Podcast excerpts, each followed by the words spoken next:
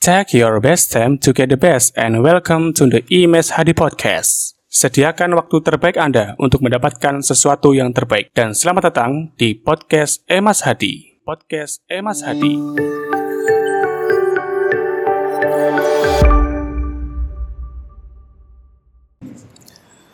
Jamaah Salat Idul Adha yang dirahmati Allah. Mari kita tingkatkan iman dan takwa kita di hari raya Idul Adha ini adalah puncak pencapaian ibadah di mana tingkatan yang tertinggi adalah menjadi orang yang benar-benar muslimin. Menjadi orang-orang yang berserah diri. Kalau di bulan Ramadan kemarin kita ditempa menjadi orang yang bertakwa, maka setelah Ramadan kita diuji apakah kita menjadi pribadi yang lebih baik menjadi hambanya yang berserah diri maka dalam sholat kita kalau kita renungkan ada dua tokoh yang selalu kita sebutkan di kala tasyahud akhir yaitu Nabi Muhammad SAW dan Nabi Ibrahim alaihissalam telah banyak dan sering kali kita ulang bagaimana perjalanan Nabi Ibrahim alaihissalam sehingga melahirkan ibadah haji dan juga ibadah kurban ini yang menunjukkan bahwa tingkat pencapaian yang tertinggi adalah Nabi Ibrahim alaihissalam dijuluki menjadi kekasih Allah. Maka hadirin yang mulia, mari hari ini sebagai hari raya sekaligus evaluasi apakah kita benar-benar telah mencapai tingkatan menjadi hambanya yang berserah diri. Hari ini kita diuji hampir memasuki tahun kedua pandemi COVID-19. Seakan-akan kita diuji apakah setiap hari kita siap untuk menghadap Allah taala. Apakah kita siap untuk menghadapi ujian atau pertanyaan-pertanyaan menuju hari akhirat, proses menuju ke surganya Allah.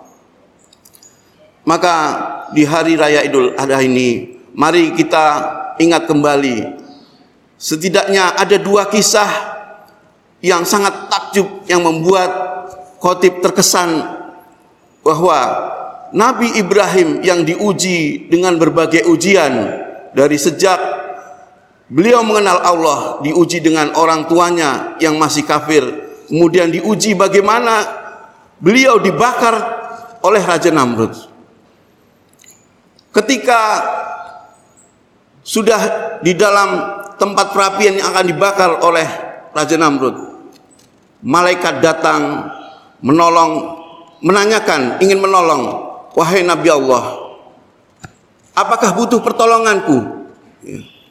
Maka jawaban Nabi Ibrahim alaihissalam, hasbi Allah, cukuplah Allah menjadi penolongku. Maka sunatullahnya api adalah panas.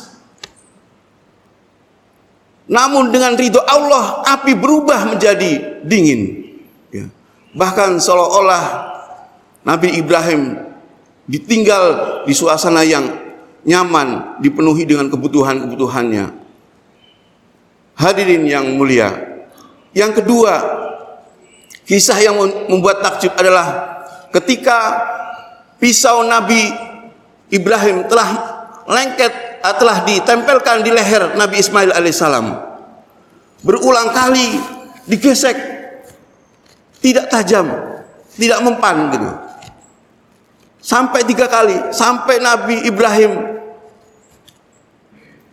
mencoba di kayu, oh tajam, karena pisau permintaan Nabi Ismail adalah kalau anakmu ini disembelih, tolong diberi pisau yang tajam supaya tidak terasa sakitnya. Sunatullahnya pisau adalah tajam, tapi dengan turunnya ridho Allah, maka pisau ini tidak mempan. Bahkan Yai saya kalau menceritakan, diceritakan pisau itu berkata, Wahai Nabi Allah, aku diperintahkan Allah untuk tidak tajam kepada anakmu Nabi Ibrahim, Nabi Ismail, maka digantikanlah dengan domba dari surga. Inilah yang kita cari dalam khutbah ini. Insya Allah Bagaimana kita mendapatkan ridho Allah? Ketika kita sudah mengenal izin Allah, mengenal kehendak Allah, maka yang kita cari adalah ridho Allah. Hari ini berbagai macam informasi tentang COVID-19 membuat kita terkadang terpecah antara hubungan persaudaraan, hubungan pertemanan karena perbedaan menyikapi kejadian. Seandainya kita sikapi dengan iman bahwa apa pun yang terjadi, apakah itu konspirasi atau betul-betul dari Allah, maka kita berserah diri pada Allah. Meyakini bahwa apa pun yang diizinkan terjadi atas izin Allah. Namun yang jelas pasti wabah ataupun sesuatu musibah itu adalah karena banyaknya dosa di muka bumi ini. Maka hadirin yang mulia, sampai hari ini dunia ini masih dihuni oleh mayoritas orang yang belum mengenal Tuhan. Jika dunia ini ada 7 miliar, yang muslim baru sekitar 2 miliar. Itu pun kalau diseleksi masih ada orang-orang yang tergolong ke dalam munafik, ke dalam musyrik. Nauzubillahi min zalik. Mari kita berdoa supaya terlindungi, kita tidak termasuk orang-orang yang munafik, tidak termasuk orang yang musyrik, tidak termasuk orang-orang yang fasik. Hadirin yang mulia, maka dalam tiga hari ini kita diberi hari tasrik, di mana kita boleh mengumandangkan takbir. Maka dalam takbir itu banyak pesan-pesan yang harus kita kaji. Bahwa kita diminta untuk memurnikan agama Islam, memurnikan tauhid kita. Betul-betul ibadah kita karena Allah. Betul-betul apa yang diperintahkan Allah kita niatkan karena Allah, bukan ingin dipandang, ingin dipuji, bukan ingin disebut sebagai hambanya yang dermawan, hambanya yang paling baik, paling soleh, tetapi betul-betul karena Allah. Kemudian bagaimana kita meresapi bahwa Allah maha menepati janji, sodako wa'dah. Ya. Maka janji-janji Allah banyak ya. di dalam Al-Quran. Tadi sengaja Imam membacakan ayat-ayat motivasi di antaranya surat Al-Mu'minun. Bagaimana cara mendapatkan surga Firdaus? Qad aflahal mu'minun alladzina hum fi salatihim khashi'un. Sungguh beruntung orang-orang yang beriman yaitu adalah yang kusuk dalam salatnya. Selanjutnya walladzina hum anil lahwi muridun yang menghindari perbuatan dan perkataan sia-sia. Hari ini media sosial memancing kita untuk berkata sia-sia, untuk mengomentari, untuk berdebat yang tidak ada ujung pangkalnya. Maka mulai hari ini, mari kita perbanyak untuk menghindari perbuatan dan perkataan sia-sia. Karena di ujung ayat itu Allah janjikan alladzina yarisunal firdaus hum fiha khalidun. Mereka yang bisa mengikuti dalam surat Al-Mu'minun itu dijanjikan warisan terbaik dengan surga Firdaus. Dan Rasulullah mengajarkan kalau engkau minta surga, mintalah yang terbaik. Ibarat kita pernah menginap di hotel bintang 5, insya Allah maka hotel-hotel yang di bawahnya berarti kita mampu. Kalau kita mungkin tidak dapat surga Firdaus, mudah-mudahan kita mendapatkan Jannatun Naim. Hadirin yang mulia, selain janji Allah menepati wana soro abdah, dalam takbir kita, kita diingatkan bahwa Allah maha menolong hambanya. Bersyukur kita tinggal di negara yang berdasarkan Tuhan yang Maha Esa maka kita ingatkan bagaimana Allah dilibatkan dalam penanganan masalah-masalah baik masalah yang kecil dalam diri keluarga apalagi masalah dalam negara yang cukup berat maka tidak mungkin kita akan bisa menyelesaikan masalah tanpa melibatkan Allah, tanpa melibatkan aturan-aturannya. Sudah banyak terbukti orang buat teknologi canggih supaya tidak ada kecelakaan, teknologi transportasi, namun tetap terjadi kecelakaan. Pesawat, darat, udara, air, semuanya terjadi kecelakaan. Karena ini membuktikan bahwa ada Allah yang maha mengatur. Maka hadirin yang mulia, kita boleh taat pada protokol kesehatan, namun kita juga harus mengkaji terus bahwa Islam ini adalah memberikan solusi. Telah banyak penelitian-penelitian yang ilmiah menyembelih ayam dengan mengucap bismillah Allahu akbar. Bukan hanya ayamnya yang mati tetapi bakteri-bakteri yang di sekitar ayam itu ikut mati. Tekstur dagingnya berubah menjadi lebih baik. Maka kalimat-kalimat thayyibah ini harus menjadi penyemangat kita agar tubuh kita semua sel tubuh kita bukan hanya meningkat imannya, tapi meningkat imunnya, tersambung langsung hatinya dengan Allah sehingga pertolongan-pertolongan Allah itu akan hadir.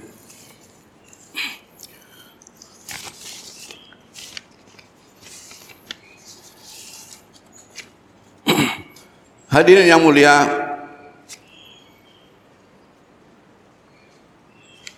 yang harus kita sadari bahwa berserah diri itu sudah dibuat sistemnya oleh Allah. Jika setiap Jumat kita diwasiatkan, ya ayyuhalladzina amanu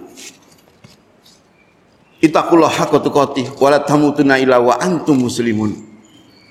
Jangan kamu mati sebelum menjadi muslimin yang berserah diri. Maka hari ini bisakah kita mengucap saya menjadi hamba yang berserah diri sesuai dalam surat Al-Fusilat ayat 33 Waman ahsanu qawla mimman da'a ilallah.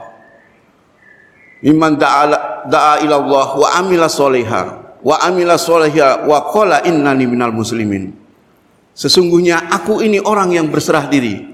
Sanggupkah kita termasuk kategori orang-orang yang berani mengucap menyatakan diri benar-benar telah mencapai tingkatan yang berserah diri.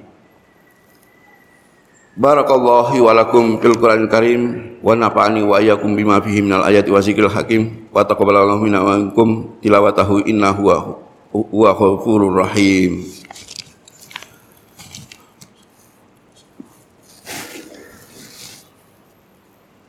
Alhamdulillah Alhamdulillahilladzi khalaqal mauta wal hayata liyabluwakum ayyukum ahsanu amala wa huwal azizul ghafur.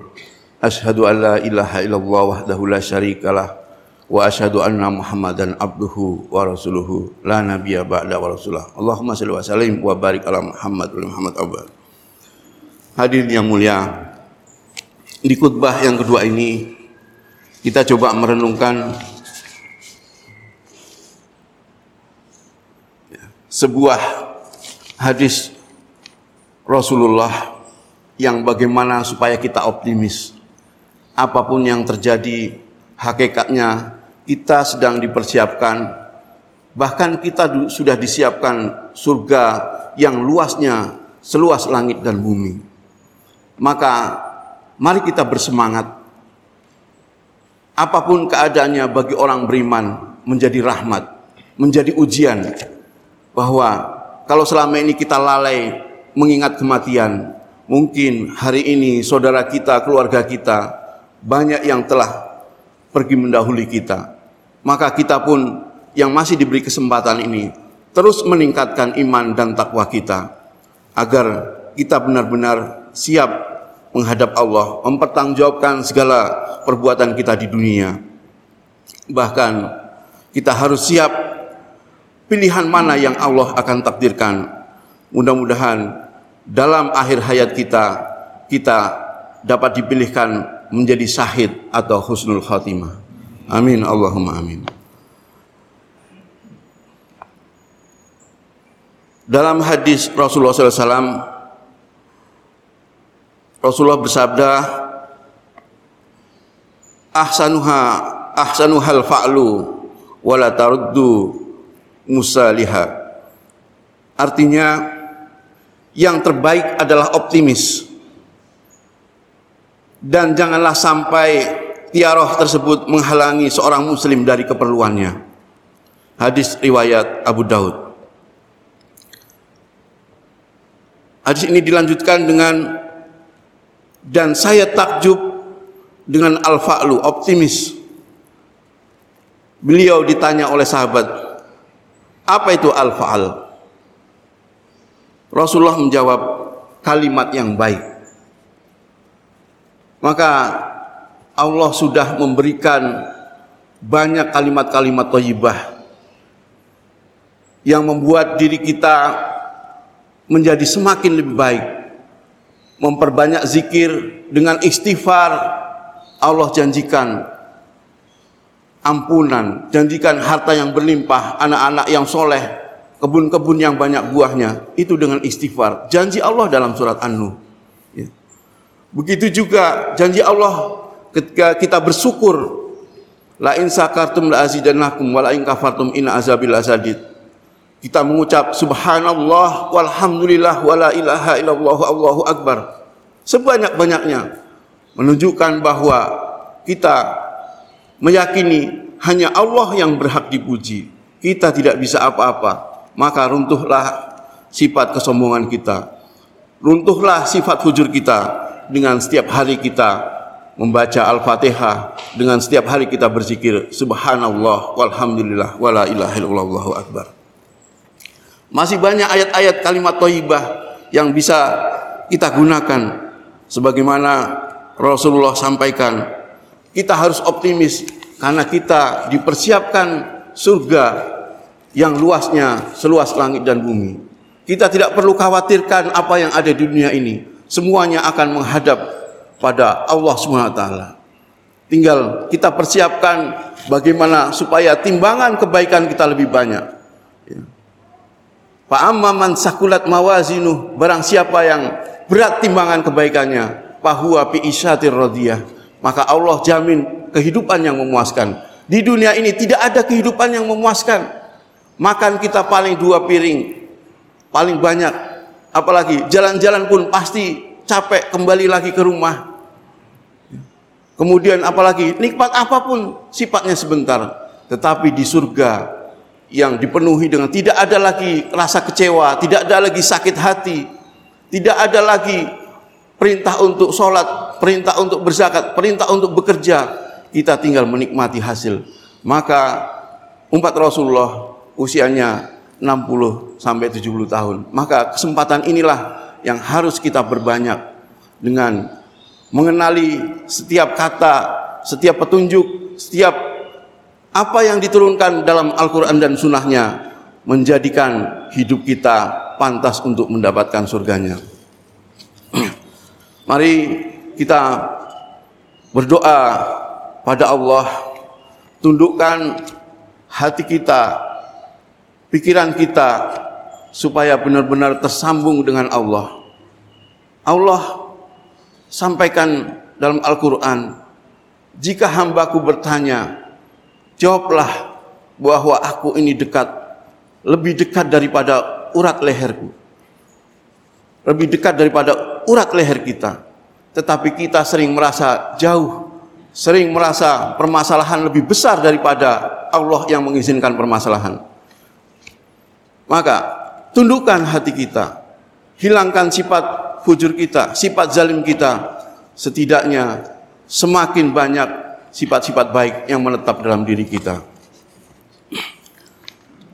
Alhamdulillahirabbil alamin. Assalatu wassalamu ala asrofil anbiya'i mursalin wa ala alihi wa ashabihi ajmain. Amin amin ya rabbal alamin. Hamda yu'abi ni'amahu wa yukabi mazidah. Ya Rabbana lakal hamdu kama yambahi li jalali wajhikal azimi sultanik. Allahumma fir lana dzunubana wa kafir anna sayyidina wa tawfana mal abrar. Allahumma fir lil muslimina wal muslimat wal mu'minina wal mu'minat al ahya'i minhum al amwat innaka samiun qaribun mujibud da'wat ya qadiyal hajat. Ya musabibal asbab. Engkau yang maha penyebab dari segala sebab ya Allah.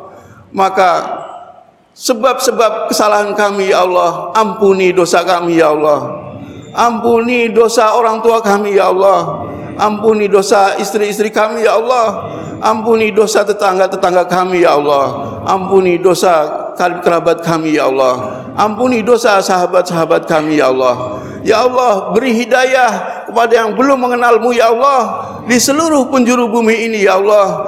Jadikan bumi ini semakin banyak penduduk yang beriman dan bersyukur ya Allah. Jadikan kami ya Allah Hambamu yang lemah ini ya Allah Menjadi asbab hidayah bagi saudara-saudara kami yang belum mengenal agamamu ya Allah. Ya Allah ya Rahman ya Rahim. Engkau telah turunkan cinta dan kasih sayangmu kepada kami ya Allah namun, namun kami tidak berusaha mencintaimu ya Allah. Kami kurang berusaha mencintaimu ya Allah. Kami masih cinta pada harta kami ya Allah. Kami masih cinta pada keluarga kami ya Allah. Padahal petunjuk mengingatkan bahwa Allah dan Rasulnya serta berjuang di jalan Allah harus lebih dicintai dari apa pun yang ada di dunia ini ya Allah. Bimbing kami ya Allah agar menjadi hambamu yang benar-benar beriman, bertakwa ya Allah Bimbing kami ya Allah agar kami menjadi hambamu yang berserah diri ya Allah. Ya Musa bibal abba Ya Musa bibal asbab Ya Fatihal abwab Engkau yang maha pembuka pintu dari segala pintu ya Allah. Bukakan pintu keberkahanmu ya Allah. Bukakan pintu rahmatmu ya Allah. Bukakan pintu pertolonganmu ya Allah. Bukakan pintu perlindunganmu ya Allah. Sehingga kami hidup dalam keadaan ampunanmu ya Allah. Sehingga kami menempati negeri yang baldatun thayyibatun walaupun ghafur ya Allah. Ya fatihal as ya fatihal abwab ya Allah. Ya Allah ya Rahman ya Rahim. Ya Mukmin ya Muhaimin. Ya Aziz ya Jabbar ya Mutakabbir. Ya Dzal Jalali wal Ikram ya Allah. Kami merayakan Idul Adha ini ya Allah. Beri semangat kami ya Allah untuk lebih taat lagi kepadamu ya Allah Beri semangat kami ya Allah untuk bisa mencintaimu, Rasulmu dan agamamu ya Allah. Bisa menolong agamamu ya Allah. Bimbingkan kami selalu ya Allah. Jadikan anak-anak kami menjadi anak soleh solehah. Menjadi hambamu yang bertakwa ya Allah. Rabbana zalamna angkusana wa ilam tafirana wa tarhamna lanakunanna minal khasirin. Rabbana atina fid dunya hasanah wa fil akhirati hasanah wa qina azabannar. Subhanaka rabbika rabbil izzati amma yasifun wa salamun alal walhamdulillahi rabbil alamin. Assalamualaikum warahmatullahi wabarakatuh